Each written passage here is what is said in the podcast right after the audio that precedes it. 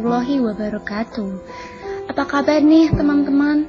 Di mana pun kalian berada, semoga sehat selalu ya. Oh ya, buat kalian yang nungguin episode yang utama podcast rilis, kali ini udah kami siapkan buat teman-teman.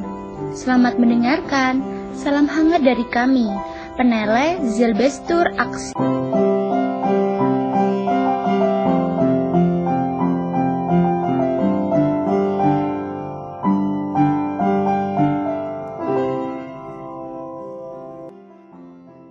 Bismillahirrahmanirrahim.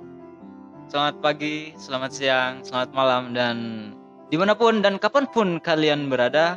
Dan yang mendengarkan suara ini Yang mendengarkan yang utama podcast Semoga selalu diberi kesehatan Selalu diberi keselamatan dan juga kebahagiaan selalu. Karena dari suara ini tentunya akan membuat melodi-melodi Membuat harmoni yang akan uh, Apa itu yang akan menjinakkan pikiran dan juga pendengaran kalian. Oke, okay?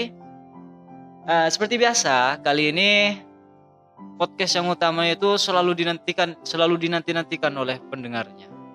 Dan khusus episode kali ini, kalau sebelumnya kita ngebahas tentang apa sih itu aktivis peneleh dan sebagainya, kali ini saya masih kewasikullah kedatangan tamu, khususnya kedatangan penjaga warung gitu loh warung apa? Ya pokoknya dia ini jual-jualan. Nah untuk jual-jualannya saya juga kurang tahu gitu. Jadi kita bisa bahas tuntas di sini. Apa sih yang dijual oleh Mas ini? Siapa namanya Mas? Boleh perkenalan dulu. Uh, orang biasa saya memanggil biasanya memanggil saya itu Iskandar. Lengkapnya sih Iskandar Kak Asmuni.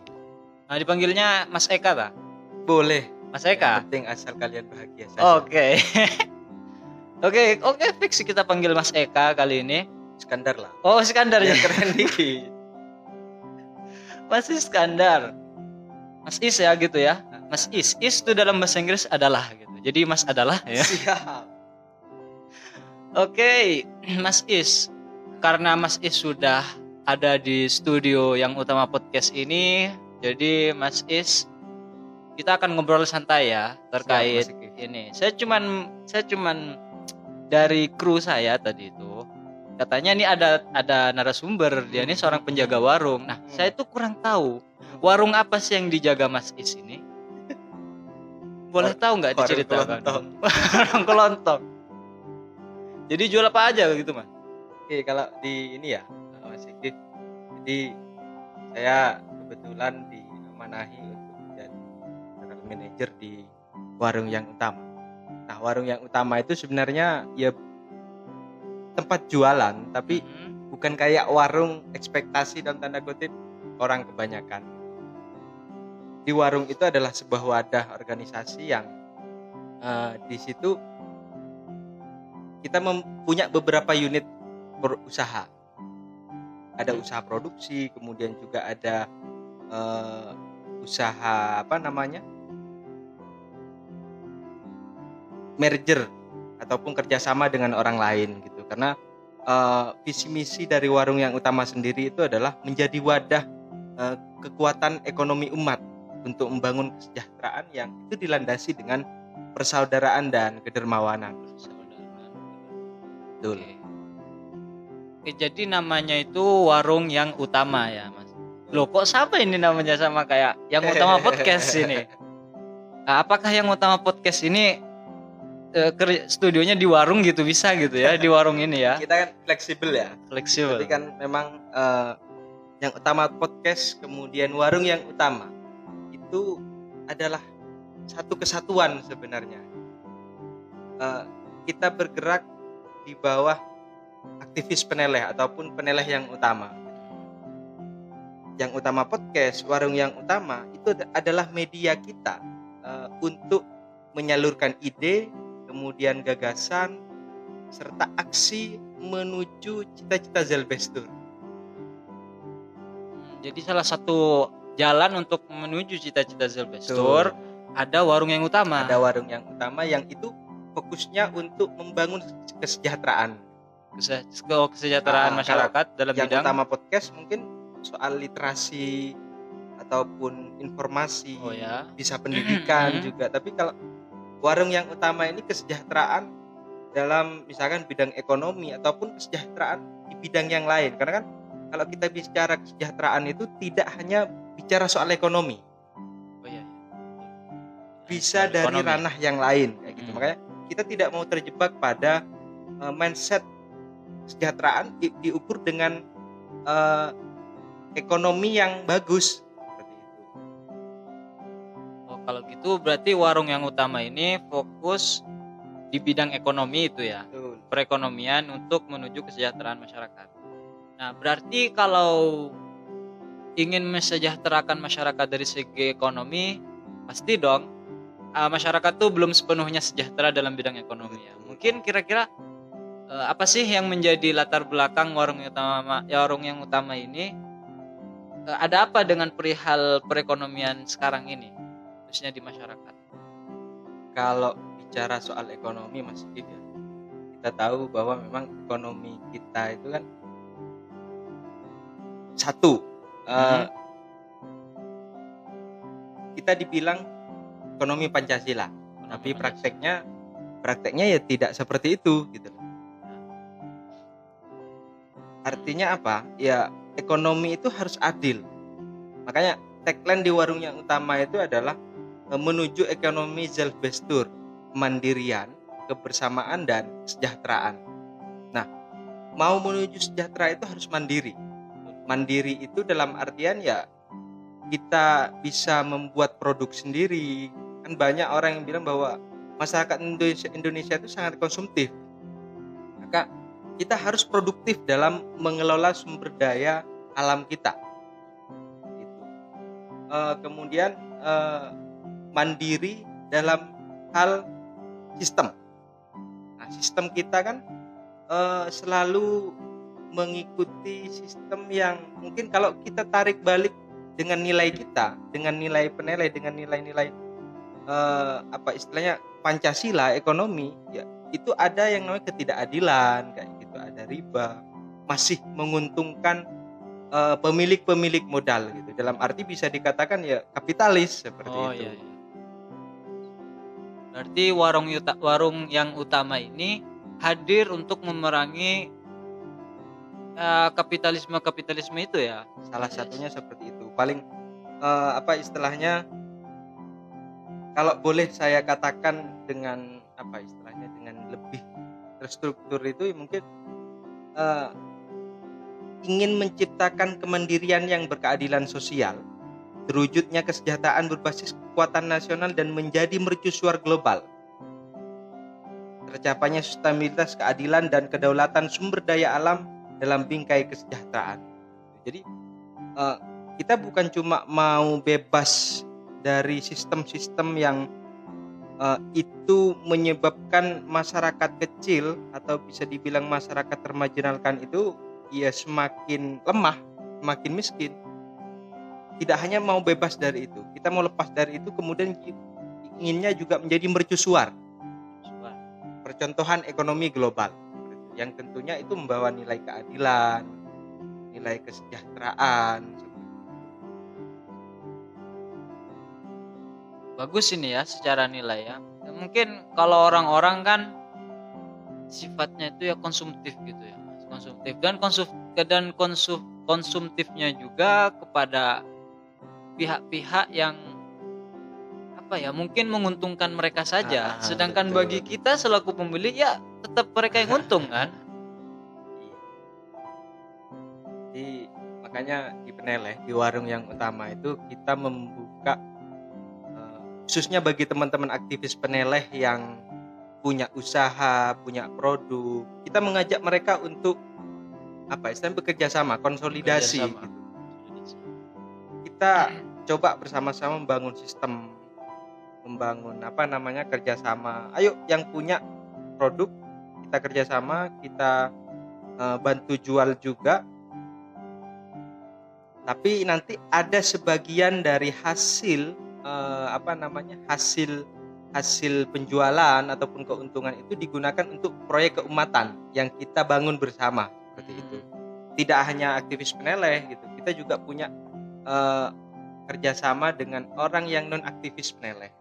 Jadi bagi teman-teman yang mau eh, nanti bisa dicek di aktif di warung peneleh kayak gitu. Di, Oh, ada sosial medianya. ada juga eh, di warung peneleh di websitenya itu bisa dicek. Eh, kita juga sudah membuka eh, gimana caranya mau bergabung dengan warung yang Hmm. utama.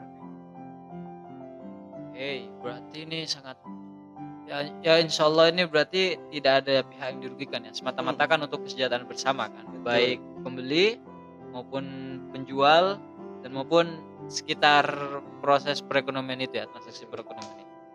Oke, kalau kita sudah tahu nilai-nilai maupun sistem gimana proses jual beli, gimana proses alur perekonomian lewat warung yang utama ini, kira-kira apa sih mas yang ditawarkan oleh warung yang utama ini mungkin bisa dijelaskan beberapa produk yang terjadi tersedia di warung ini kira-kira saya bisa beli mungkin besok Oh, harus habis, itu. habis ini harus itu.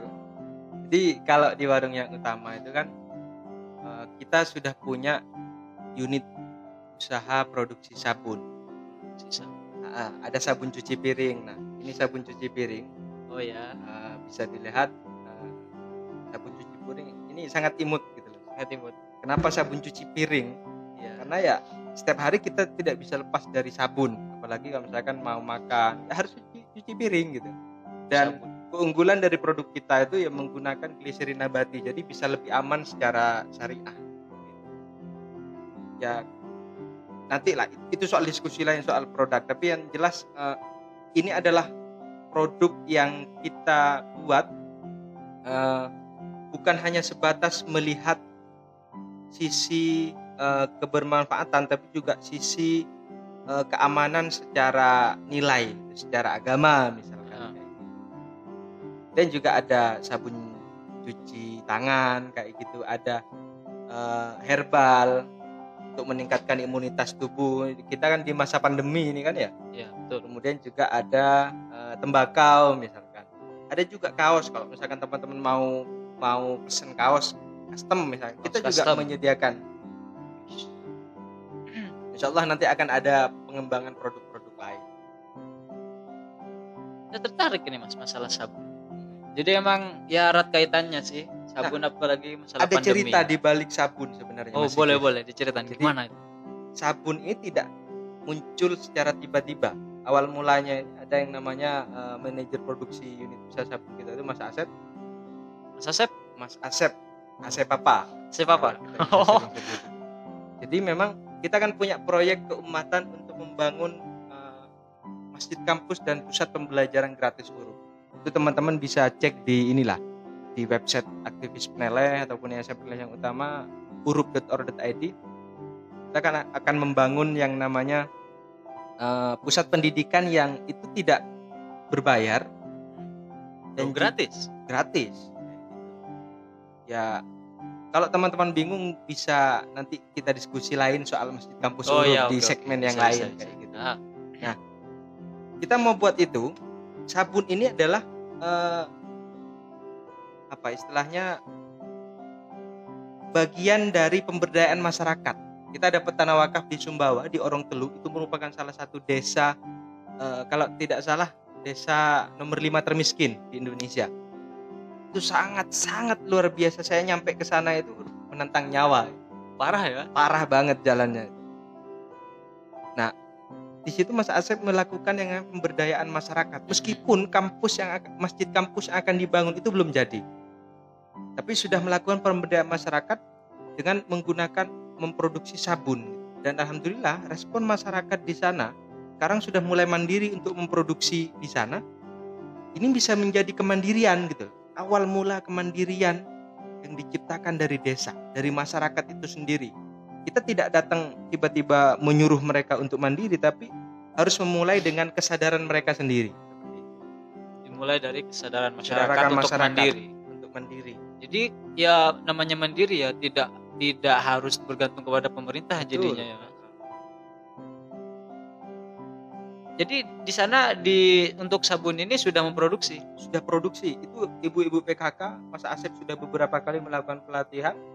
Ya alhamdulillah, responnya sangat baik. Kemarin sudah kontak dengan kita untuk memproduksi dengan jumlah yang lebih besar dan pemerintah desa juga mendukung gitu. Nah, artinya memang eh, apa ya saya melihat sebuah semangat eh, masyarakat yang bisa dibilang termarginalkan jalan ke sana itu sekarang kalau musim hujan sangat sangat memprihatinkan hampir tidak bisa masuk. Aksesnya itu ya bisa dibilang terputus kayak gitu. Tapi mereka punya semangat bagaimana menciptakan kemandirian yang dimulai dari ya desanya sendiri gitu. Untuk maju untuk mensejahterakan eh, anak cucunya nanti gitu. agar tidak terus ketertinggalan kalau mereka kalau oh kalau nunggu pemerintah ya kan tahu sendirilah Iya, iya, gimana betul. kan. Nunggu pemerintah ya bisa jadi tidak jalan-jalan kayak gitu. nyampe malah. Nah. apalagi tuh termiskin ke berapa wah pemerintahnya takut kok mau masuk ke orang telur Oh. itu tapi eh, apa tadi penilai berani masuk ke situ ya? Berani ingin yang tadi katanya ingin membuat kampus padahal. Pasti kampus kampus. gratis di sana biasa ini. Nah untuk ini Mas Is. Ini kan ya apa tadi? Kita ada produk sabun Hmm, betul. kaos juga bagi yang ingin kaos ah, custom. kaos custom. Terus apa lagi? Ada tembakau, Tembakau. herbal. Tembakau juga herbal. Kalau herbal tuh apa furnitur, herbal. meningkatkan imunitas tubuh di masa pandemi kayak jadi alhamdulillah eh, banyak juga orang-orang yang eh, mengalami keluhan ataupun gejala misalkan covid eh, dengan herbal ini ya bisa me- meningkatkan imunitasnya imunitas tubuhnya untuk ya alhamdulillah banyak yang negatif setelah itu kayak gitu. Wah, ini menarik ini produk-produk yang ditawarkan warung utama ini karena apa ya? Eh, gak cuman untuk menjual suatu produk, tapi Hmm. juga punya sisi penting itu berupa kayak sabun tadi, sisi penting kesehatan. Berupa apa tadi? Hmm, Gliserin nabati gliserin aman. nabati yang herbal itu ya. bukan yang ini yang Oh, sabun. yang ini. Oh, yang sabun. Oh, salah satu apa itu? Apa sih namanya? Bahannya ya, Bahannya. bahannya gliserin sabun. Juga tadi ada obat herbal untuk meningkatkan imunitas tubuh. Betul. Jadi, ya saya melihat di sini tidak hanya mementingkan masalah jual beli yang sifatnya konsumtif atau dia menghabis-habiskan uang, tapi juga peduli akan kesehatan. betul sekali Oke, kira-kira Mas, kalau saya mau beli, kalau saya ingin melihat produk-produknya itu bisa pesan ke siapa atau bisa saya cek di mana? Eh, kalau teman-teman masih mau beli nanti bisa cek di apa namanya di warung peneleh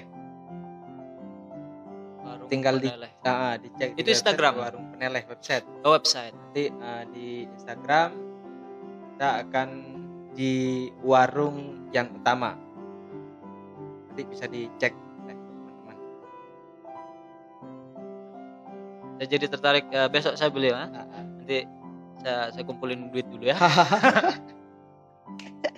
siap siap siap Oke, Mas. ini lagi eh, masih eh, gimana gimana? ada yang mau saya sampaikan juga soal warung yang utama ini kan sebenarnya ya tidak hanya eh, jualan aja gitu tapi Mm-mm. sesuai dengan visi misi peneleh yang utama yayasan peneleh yang utama itu yayasan peneleh utama itu kan menjadi badan wakaf menuju penggerak pemuda menuju kemandirian seperti itu. Nah di kita itu juga ada apa ya istilahnya eh, jalur pendidikan ataupun kaderisasi untuk menciptakan eh, pelaku-pelaku ekonomi yang mempunyai apa istilahnya semangat kemandirian kayak gitu artinya ya kan banyak pelaku-pelaku ekonomi kita kan mindsetnya sudah kapitalis dan lain-lain Ya, betul. nah Suka nyari untung apa doang. ya. bedanya apa bedanya kalau misalkan peneleh eh, melakukan usaha kesejahteraan melalui ekonomi ini tapi orang-orangnya masih punya mindset kapitalis Iya. maka kita ada jalur kaderisasinya kalau di aktivis peneleh ini sekolah kesejahteraan itu masuk jenjang tiga nanti teman-teman yang lulusan itu akan mengelola dan mengurusi warung yang utama seperti itu Jadi Ya, ada seperti itu. kaderisasinya juga di warung yang utama Betul. ini.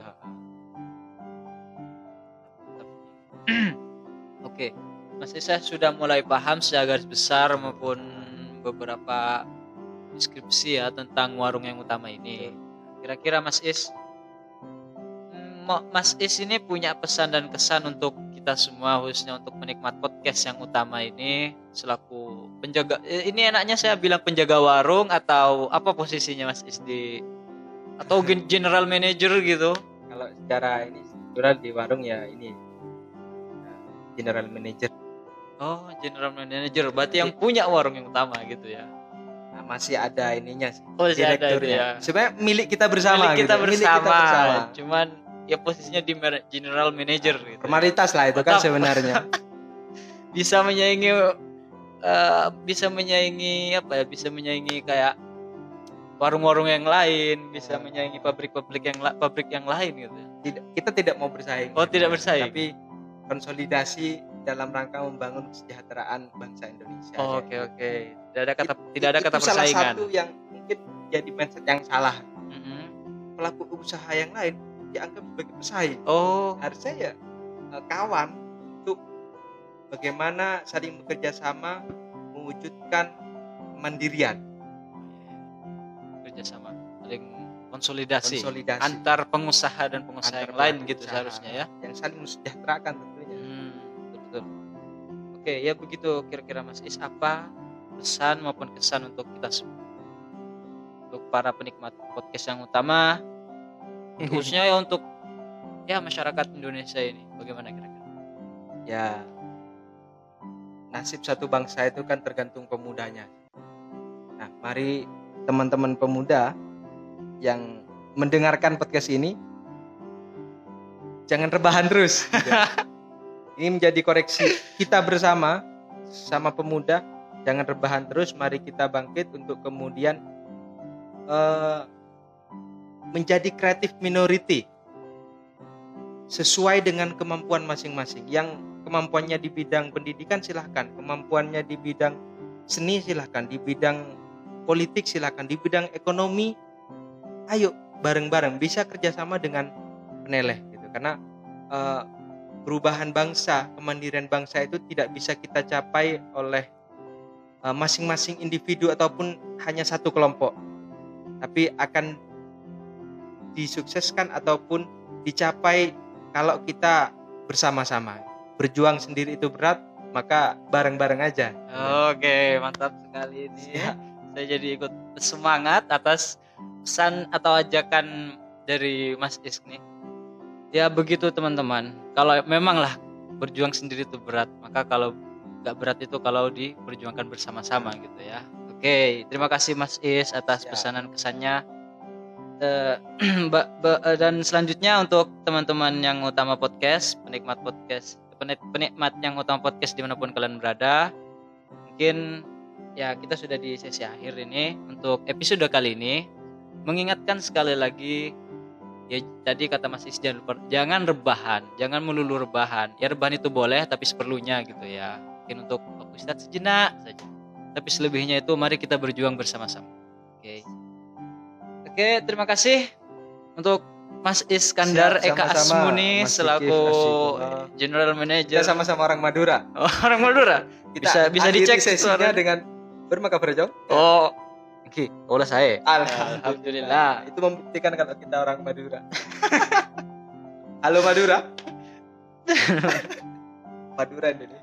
bagi yang belum mengerti apa artinya tadi intinya ya kabar kita sama-sama sehat lah Ah, gitu ya Semua semoga semuanya sehat. semoga sama-sama sehat oke oke terima kasih untuk penikmat setia yang utama podcast di mana pun dan kapan pun kalian berada dan mendengarkan podcast yang utama ini selanjutnya kita ketemu di episode selanjutnya dengan episode-episode yang lebih menarik lagi Siap. oke saya kami cukupkan sampai sini apabila ada salah kata maupun sikap kami mohon maaf Berakhir, wassalamualaikum warahmatullahi wabarakatuh.